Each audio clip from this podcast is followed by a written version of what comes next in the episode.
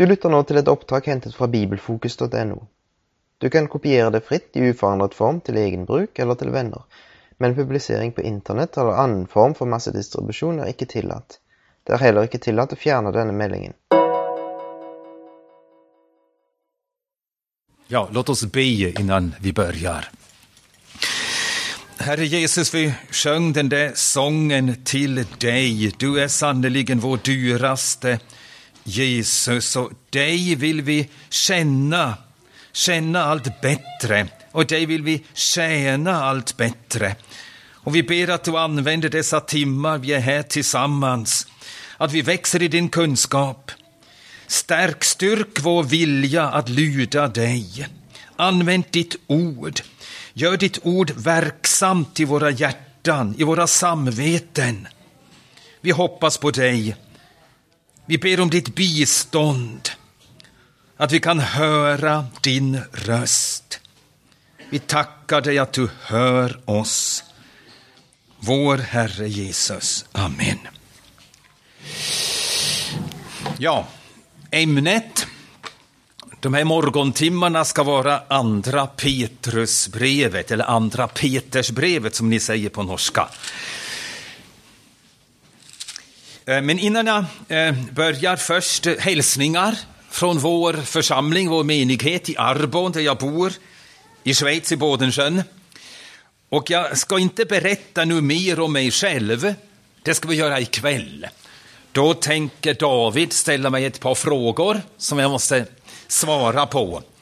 Och då vet ni mer om mig, alltså hur det kommer sig att jag bor i Schweiz, hur det kommer sig att jag talar svenska, fast jag nu har bott i över 50 år i Schweiz. Ja, och eh, ja, vi eh, lärde ju känna varandra för ungefär tio år sedan, stämmer det David? När var du vid TMG? Tio år sedan, ja. Eh, någon gång eh, våren eh, 2002 i så fall. Ja, och så kom det sig då att han eh, frågade om jag ville komma till den här bibelkonferensen, Bibelfokus, och jag skrev att jag gärna kommer. Andra Petrusbrevet. Eh, vi ska försöka att eh,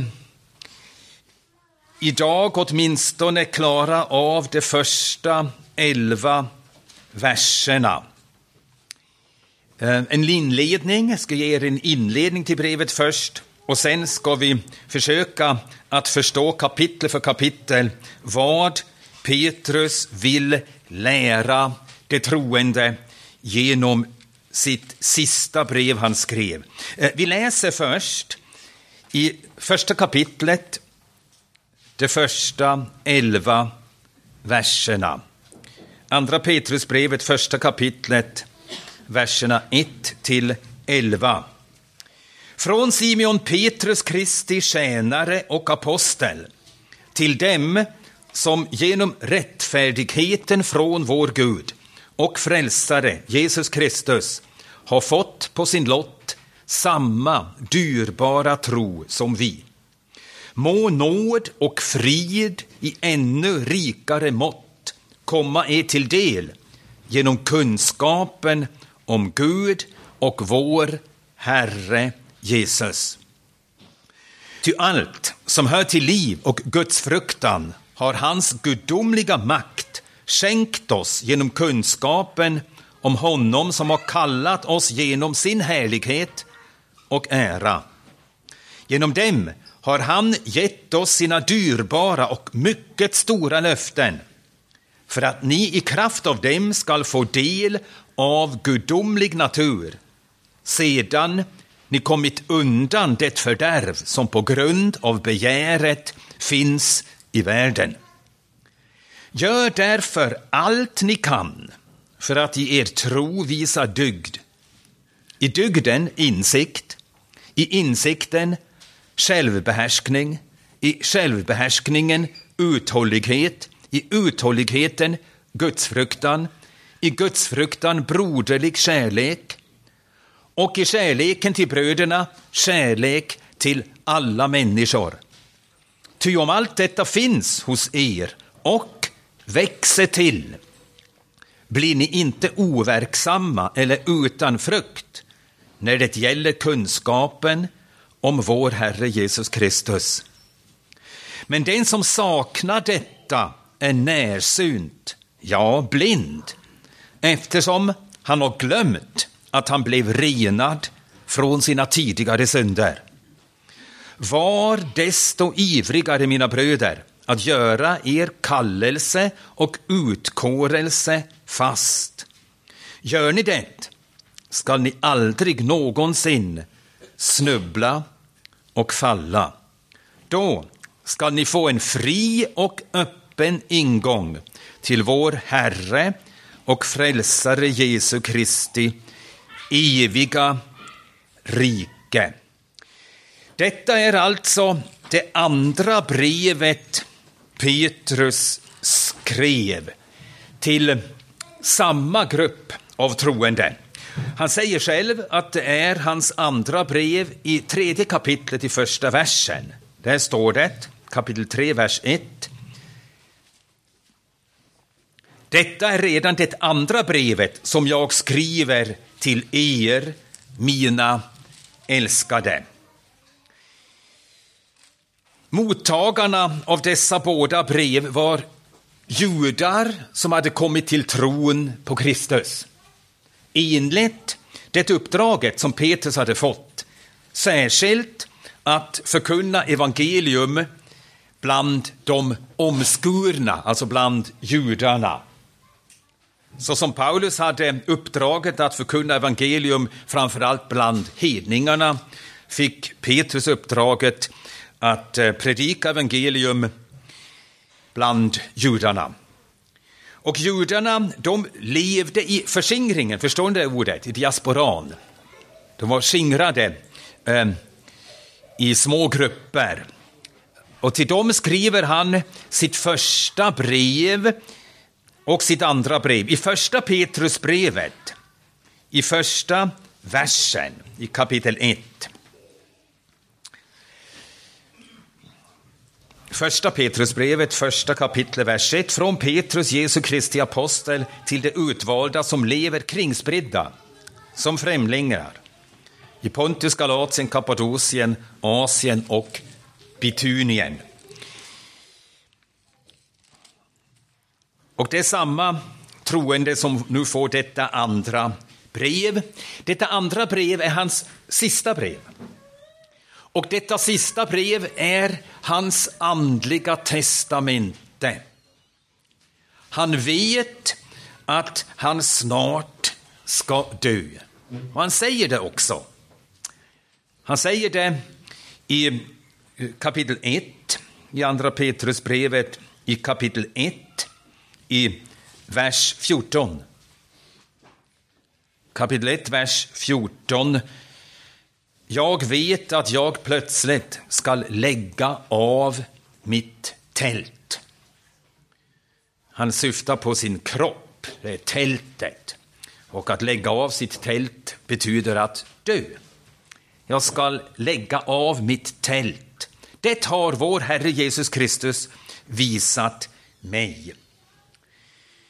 Så han vet själv att det är hans andliga testamente. Och vad är det som nu fyller hans tänkande, hans hjärta? Vad är det det troende måste förstå och ta emot och eh, göra allvar med? Vad är det allra viktigaste i deras situation nu? Om vi försöker att föreställa oss att vi har ett tillfälle till att tala eller skriva till en församling av troende som vi känner sedan flera år. De sista orden. Vad ska vi säga eller skriva? Det allra viktigaste. I sitt första brev skrev Petrus till troende som levde i, under förföljelser och lidanden. Och då hade han ett stort syfte att styrka de troende i förföljelsen så att de skulle förbli ståndaktiga. Inte tappa modet och inte ge upp bekännelsen på deras tro.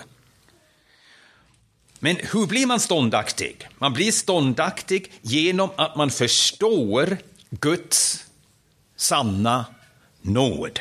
Petrus säger själv i slutet av första Petrusbrevet att det var syftet han hade då han skrev det första brevet. Eh, vi läser i första Petrusbrevet kapitel 5,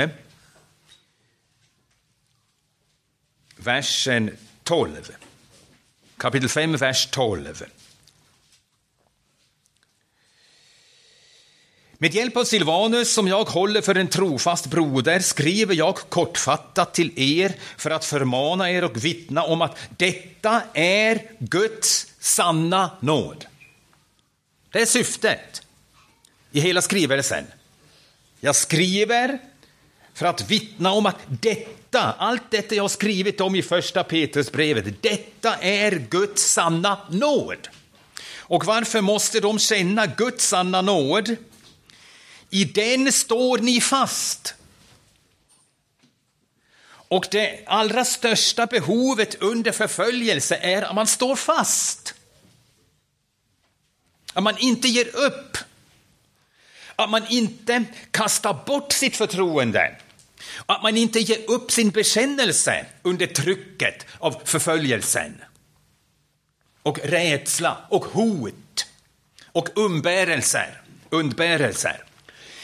Så det första behovet är då att man står fast. Men hur kan man stå fast? Man kan bara stå fast om man känner Guds sanna nåd. Ty allenast nåden gör oss fasta så att vi står. Lagen kan inte göra någon människa fast. Att själv eh, fatta föresatser gör inte någon människa fast. Det enda som kan göra oss ståndaktiga, det är Guds nåd. Och den måste vi känna, så vi står fast i nåden. Men nu har ett par år förflutit. Situationen har ändrat sig. Och nu är faran för de kristna en helt annan. Nu är faran inte att de ska ge upp bekännelsen under förföljelser. Utan nu är faran den att de ska bli vilseledda genom falska lärare. Det är en helt annan fara. Mycket större fara. Det är en mycket större fara som hotar då falska lärare kommer med, falska, med villoläror, med falska läror. Varför är den faran så mycket större? Därför att de falska Eh, lärorna, de smakar så gott. Vi tar så gärna emot dem. Det smakar så sött i mun. Och eh, det eh, känns så, så, så gott. Vad de lovar, att man kan ha ett, ett liv eh, av uppfyllelse utan lidande. Och Gud är ju så god. Och han vill inte att vi måste stå emot och kämpa. Och så kommer de med falska läror och förför, vilseleder de troende. Petrus han börjar i andra kapitlet att tala om de falska lärarna som börjar smyga sig in i församlingarna kapitel 2, vers 1.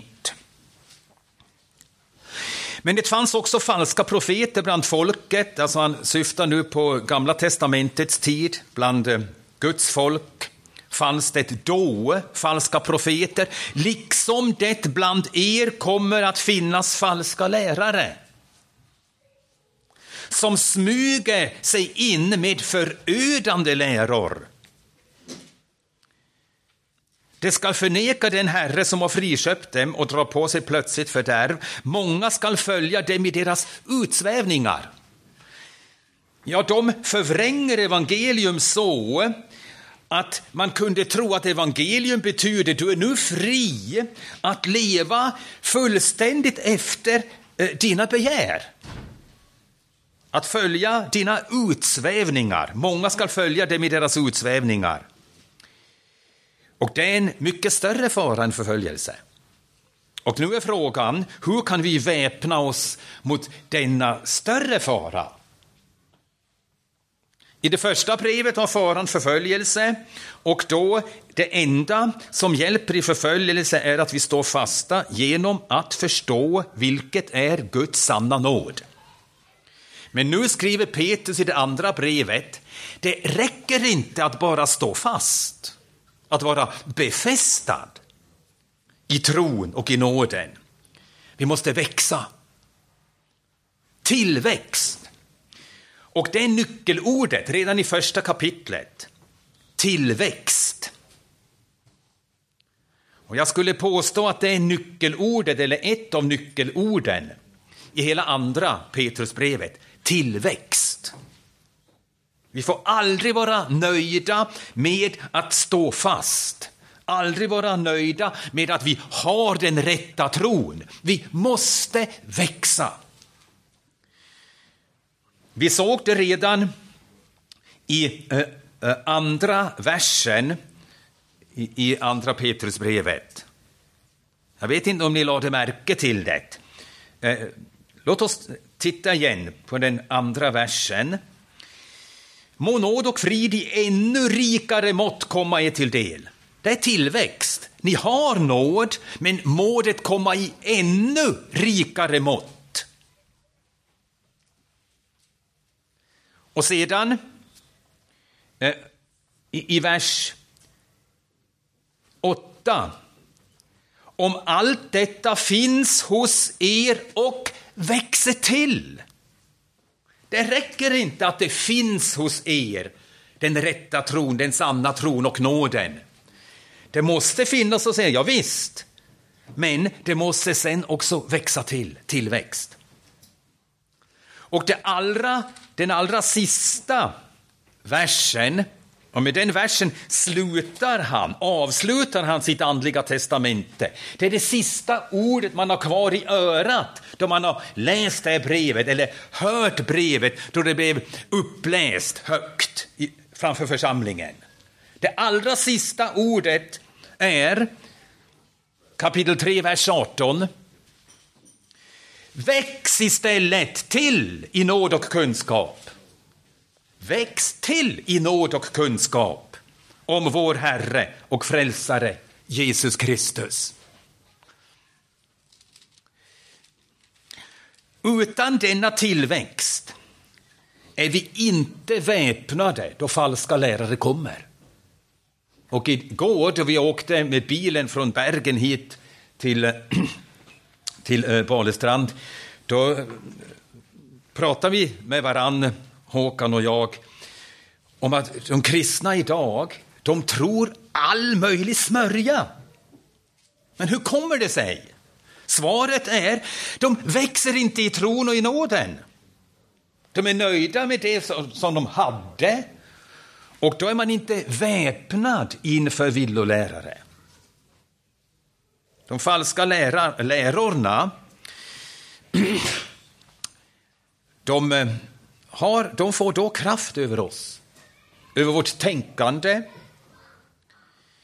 över vårt sätt att, att äh, bedöma saker och ting. Därför måste vi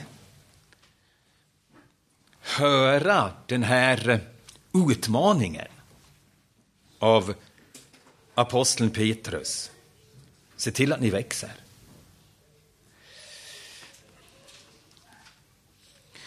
Om vi inte växer i tron och i nåden, då ska vi bli fullständigt och då kommer vi att bli fullständigt förlamade då inte bara villolärare kommer, utan också bespottare. Kapitel 3, vers 3.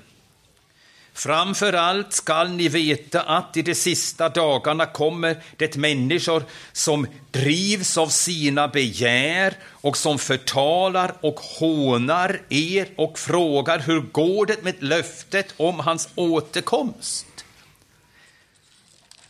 De hånar vår tro att Herren kommer åter.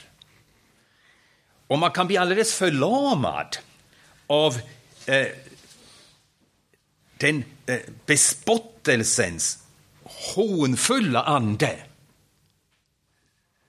som man inte vågar att bekänna sin tro att Herren, han kommer igen, han kommer åter. Han kommer åter för att för evigt frälsa de troende, men att också döma dem som inte tror. Tillväxt alltså, för att vara väpnade mot villolärare och mot bespottare. Och det är just det vi, vi upplever så intensivt nu i vår tid. Villolärare och villoläror bland de troende och hela världsanden runt omkring oss som bara hånar vår tro.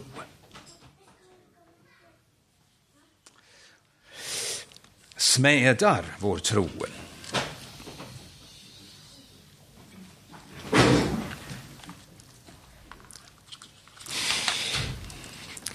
Det är eh, mycket påfallande att även Paulus i sitt andliga testamente varnar för falska profeter, falska lärare, villolärare som kommer. Andra Timoteusbrevet, det tredje kapitlet.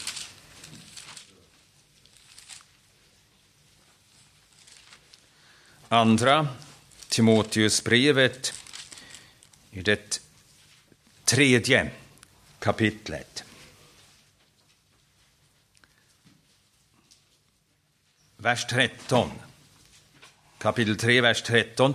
Men onda människor och bedragare ska göra framsteg till det sämre. det bedrar och blir själva bedragna. Och det är mycket påfallande i båda de där breven, i Paulus sista brev, i Petrus sista brev, fastän båda vet att de står inför döden, Herren har uppenbarat det för dem. De vet det.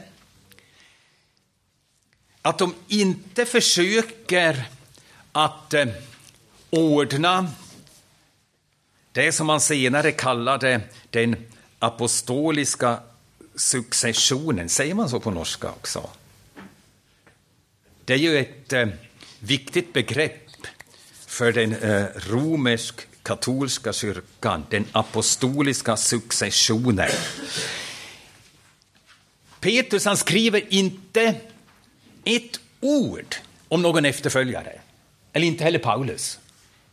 De vet ingenting om någon efterföljare som sedan ska eh, ta deras plats. Alltså enligt den romersk-katolska dogma är det ju så att Jesus, att han bestämde att Petrus skulle vara hans eh, ställföreträdare.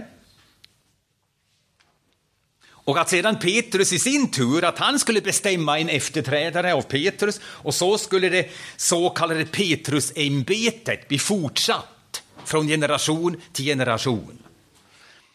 Men det intressanta är att Petrus han skriver inte ett ord, inte ens en antydan om en efterträdare.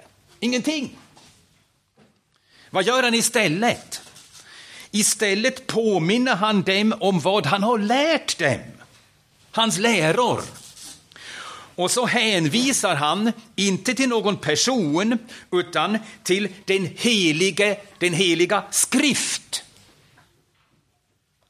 Det är den enda auktoriteten som han vet om, som skall leda Guds folk, Guds jord, då han och de andra apostlarna har gått bort. Andra Petrusbrevet kapitel 1, vers 12.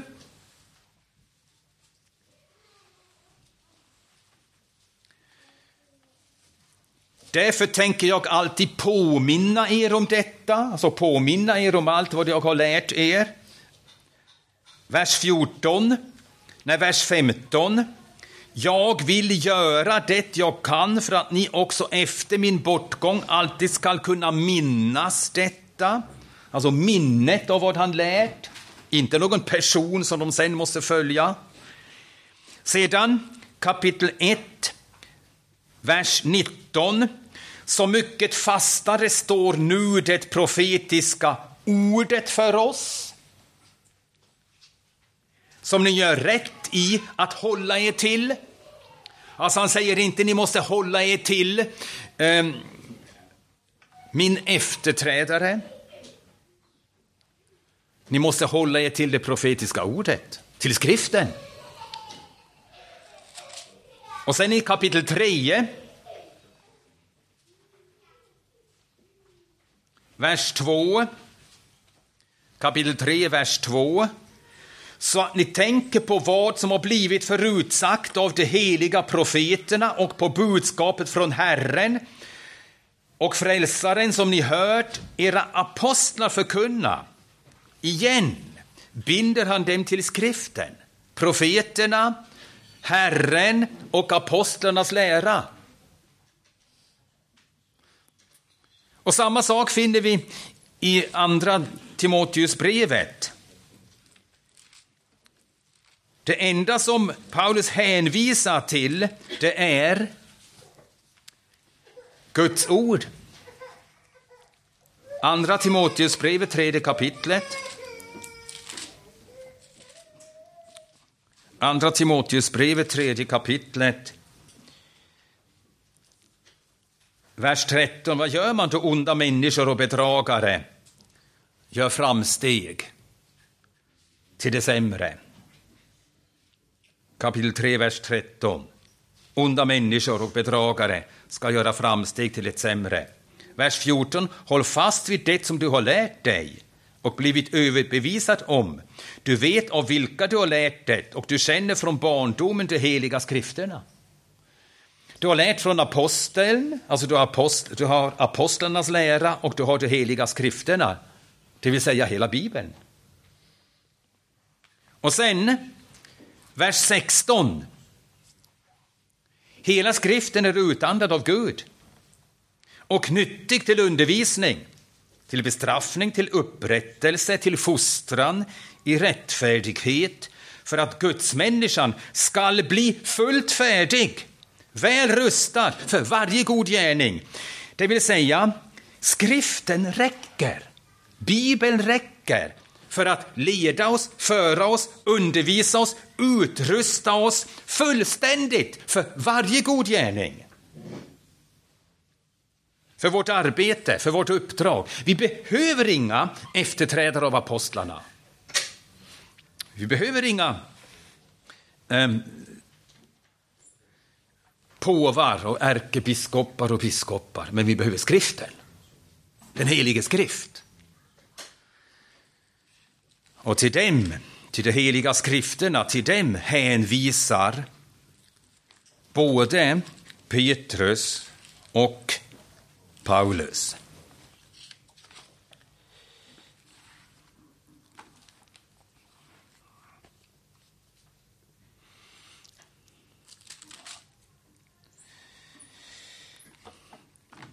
Vi har nu läst i andra Petrusbrevet, de första elva verserna. Och här uppmanar Petrus de troende att se till att de växer. Att de växer i tron, i nåden och sen för att uppmuntra dem till att ta emot den där eh, uppmaningen ställer han målet inför deras ögon. Vi går mot ett härligt mål. Och detta mål är vår Herres rike. Vi läste i vers 11. Ni ska få en fri och öppen ingång till vår Herre och Frälsare Jesu Kristi eviga rike. Och sen från vers 16 och följande talar han om det där riket. Och han säger, jag har sett det där riket. Det är inte någon, eh, någonting jag har uppfunnit. Det är inte något, någonting jag har drömt om. Nej, jag har sett det där riket med egna, egna ögon. Nej, inte jag, inte bara jag. Vi såg det. Vi var flera ögonvittnen som såg Jesus kommande med i sitt rike. Vers 16. Det var inte några utstuderade myter vi följde när vi förkunnade för er vår Herre Jesu Kristi makt och hans ankomst. Utan vi var ögonvittnen till Jesu Majestät. Och när skedde det? När var de ögonvittnen till Jesu Majestät? Den där juden Jesus som såg ut som en varje vanlig jude. När såg ni honom i hans majestät, i hans härlighet? Vi såg honom då vi var med honom uppe på det heliga berget, förklaringens berg som man säger. Jag vet inte om man säger så på norska också, förklaringens berg. Där han blev förklarad, förhärligad. Ty han blev av Gud Fadern ärad och förhärligad när en röst kom till honom från den upphöjda härligheten. Denne är min son, den älskade. I honom har jag min glädje. Den rösten hörde vi. Igen säger han vi. Han säger inte jag, vi. De var tre lärjungar som såg och hörde vad han här berättar. Vi såg vår Herre Jesus i det kommande riket. Detta rike är inte en dröm, det är inte en myt, det är inte någonting vi har utstuderat. Det är verklighet. Och vi går emot det där riket. Och Herren, han kommer oss till mötes. Och han kommer att kalla oss till sig själv. Och det är värt detta underbara mål att se till att vi står i nåden och växer i nåden och så kan vara verksamma och bära frukt tills Jesus kommer. Det är därför han talar om riket, hur han såg det i den sista delen av det här kapitlet. Och sen så säger han, det vi såg där uppe på berget, det var någonting som profeterna redan i Gamla testamentet hade förkunnat.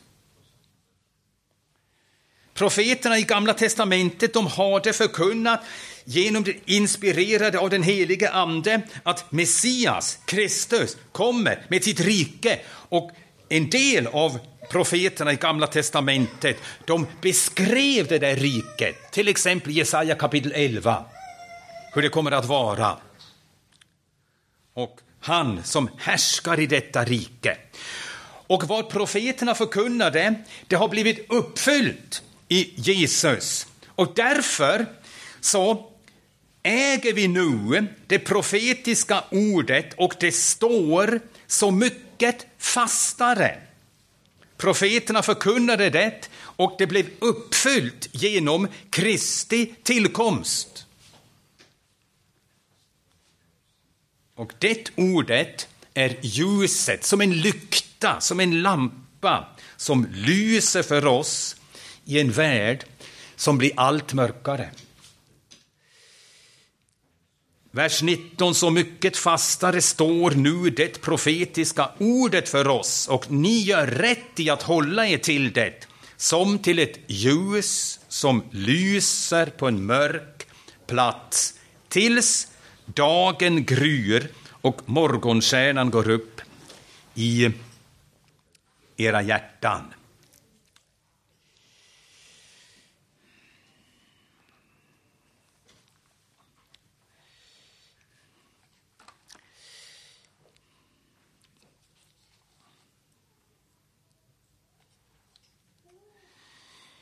Ja, Nu eh, ska vi försöka att förstå de där första elva verserna vi har läst lite bättre. Vi ska ta oss en lite närmare titt på verserna 1 till 11. Petrus han börjar med en hälsning.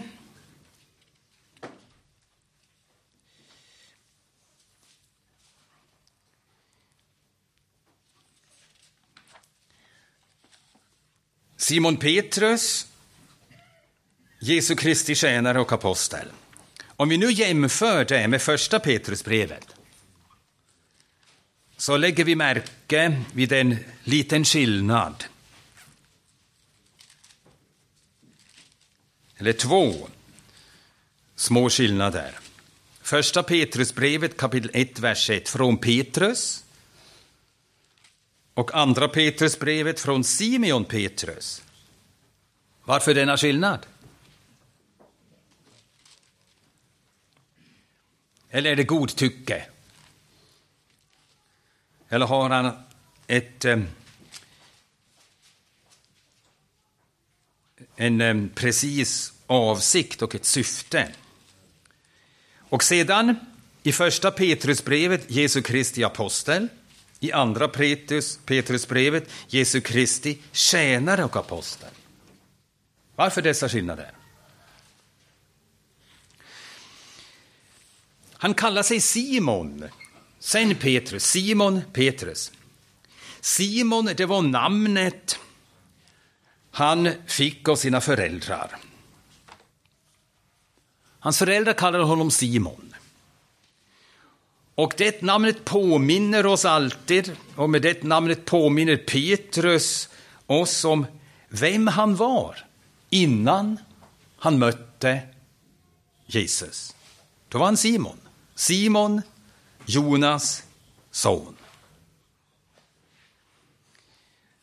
Och sen han mötte Kristus fick han ett nytt namn. Petrus, vilket betyder sten. Eh, I Johannes evangeliet kapitel 1.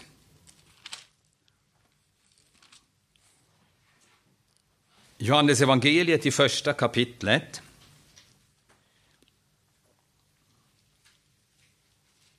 Där står det skrivet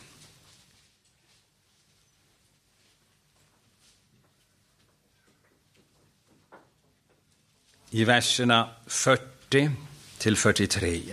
40 till 42. Johannes kapitel 1, 40 till 42.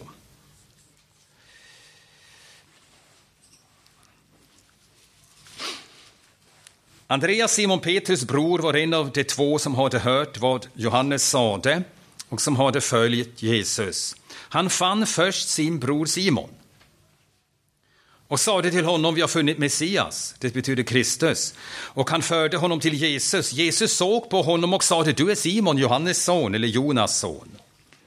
Du är Simon, son till Jonas. Du är samma som din far. Samma natur, samma syndare. Simon, Johannes son. Du skall heta Kefas, det betyder sten och på grekiska Petros. Så fick han det nya namnet Petrus. Kristus gjorde honom till en ny människa. Men han var innan bara Simon. Och nu påminner han mottagarna av sitt andra brev. Simon, han blev till Petrus. Och det är en, en uppmuntran för alla troenden han som hade förmågan att göra en Simon till en Petrus, en syndare till en helig människa. En människa som levde bara för sig själv, för att förverkliga sig själv, som älskade sig själv överallt. Han gjorde honom till en människa som älskar Gud och som älskar Guds folk och som levde för Guds ära. Och om Gud kunde göra det med Simon, då kan han också göra det med dig och med mig. Det är just tillväxt, nytt liv och sen det nya livet det växer tills du blir en tjänare, en Guds tjänare, en tjänare till Guds folk. Simon blev Petrus. Och så kallar han sig därför, just därför, Jesu Kristi tjänare och apostel, inte bara apostel. Annars kunde man ju vara frestad att tänka, ja, du är en apostel, men du är ju någonting särskilt. Vi är ju inga apostlar och ingen av oss kommer någonsin att bli en apostel. Därför kallar han sig här tjänare. Och Gud kan, Gud vill och Gud kan göra oss alla till sina tjänare. Vi är alla kallade till att bli och att vara tjänare. Guds tjänare, församlingens tjänare, de troendes tjänare och att vara nyttiga för människorna i samhället där vi lever. Det är just därför han här i det här brevet hälsar med att kalla sig Simon Petrus, Jesu Kristi tjänare och apostel. Och så påminner han dem om att de har fått samma dyrbara tro som apostlarna. Ni har fått samma dyrbara tro som vi. Och det igen betyder igen, vi har samma förutsättningar. Att som en Simon bli sanna tjänare, Guds tjänare, Guds folks tjänare. Och det är ju underbart. Det är helt underbart. Gud förmår det. I Guds nåd kan han göra det. Han vill göra det. Tror vi det? Då gör han det.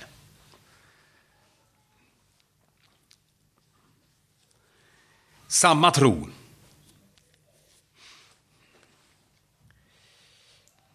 Tro kan ju betyda två saker. Begreppet tro. Och så används det också. Det används på två olika sätt i Nya testamentet, ordet tro.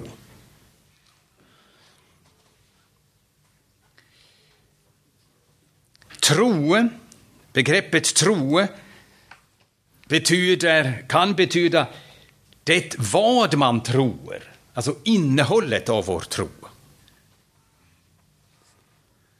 Och tro i Nya testamentet kan också betyda att man tror. Inte vad man tror, men att man tror. Den personliga tron som du och jag måste ha för att bli frälsta, för att bli rättfärdiggjorda, för att få evigt liv.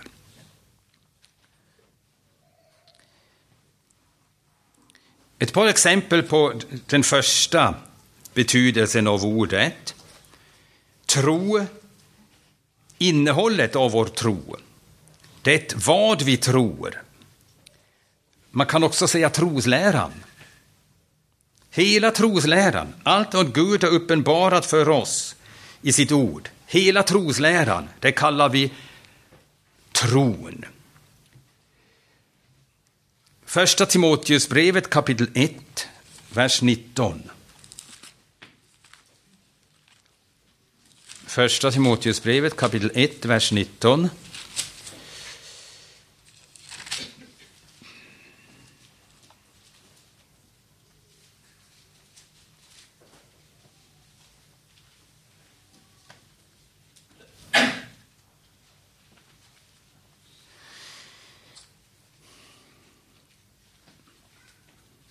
Detta har samliga stött ifrån sig och lidit skeppsbrott i tron. Att lida skeppsbrott i tron, det betyder att du må ha den sanna tron, men du lider skeppsbrott, du går under. Alltså trosläran, du förlorar inte trosläran, men du själv går under. Ja, trosläran, den blir, den förändrar sig aldrig. Andra Timoteusbrevet kapitel 4, vers 7. Jag har kämpat den goda kampen, jag har fullbordat loppet, jag har bevarat tron. Det är trosläran. Paulus vill inte säga eh, att jag inte tappade tillförlitet i Kristus. Nej, Han säger jag har bevarat trosläran. Jag måste ju kämpa för trosläran. Villolärare försökte att för, eh, förvränga trosläran, men jag har kämpat för den. Jag har behållit den, jag har bevarat den. Trosläran. Jag har bevarat tron, eller Titusbrevet kapitel 1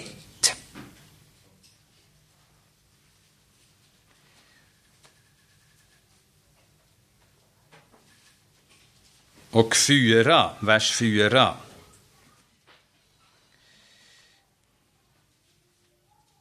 Vers 4, ja, inte vers, bara vers 4. Titusbrevet kapitel 1, vers 4. Jag hälsar Titus, mitt äkta barn, i den gemensamma tron. Vi tror på samma evangelium, menar han. Trosläran. Och Judasbrevet Judasbrevet, vers 3.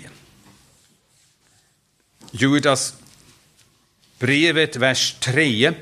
Mina älskade, fastän jag är mycket ivrig att skriva till er om vår gemensamma frälsning finner jag det nödvändigt att skriva till er och uppmana er att fortsätta kampen för den tro som en gång för alla har överlämnats åt det heliga.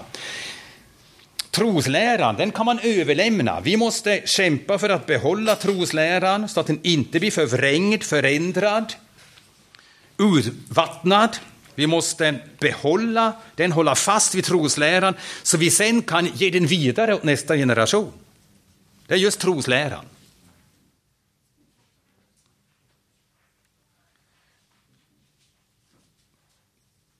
Vi måste kämpa för den tro som en gång för alla har överlämnats åt det heliga. Så tror ni den andra meningen. Just detta faktum att man tror, att du tror, din personliga tro. Till exempel Johannes 5, vers 24.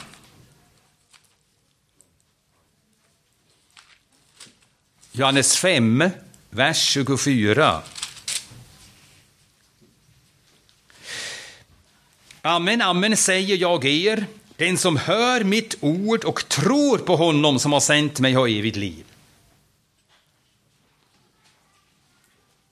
Eller Efesebrevet kapitel 2, vers 8. Efesierbrevet kapitel 2, vers 8. Ty av nåden är ni frälsta genom tro. Det är personlig tro. Du måste själv tro för att bli frälst. Och nu är frågan, vad menar Petrus då han säger i Andra Petrusbrevet, vers 1, att vi har fått samma dyrbara tro som han hade. Det var trosläran. Trosläran.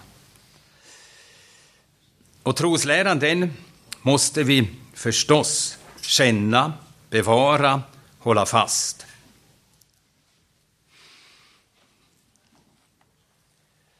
Trosläran finner vi i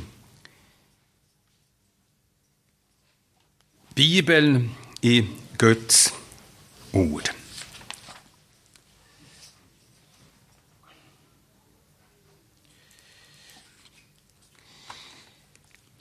Och sen kommer vi efter hälsningen till verserna 3 till 11. Guds kraft för att växa till i nåd och gudsfruktan. Men jag tycker nu gör vi en paus.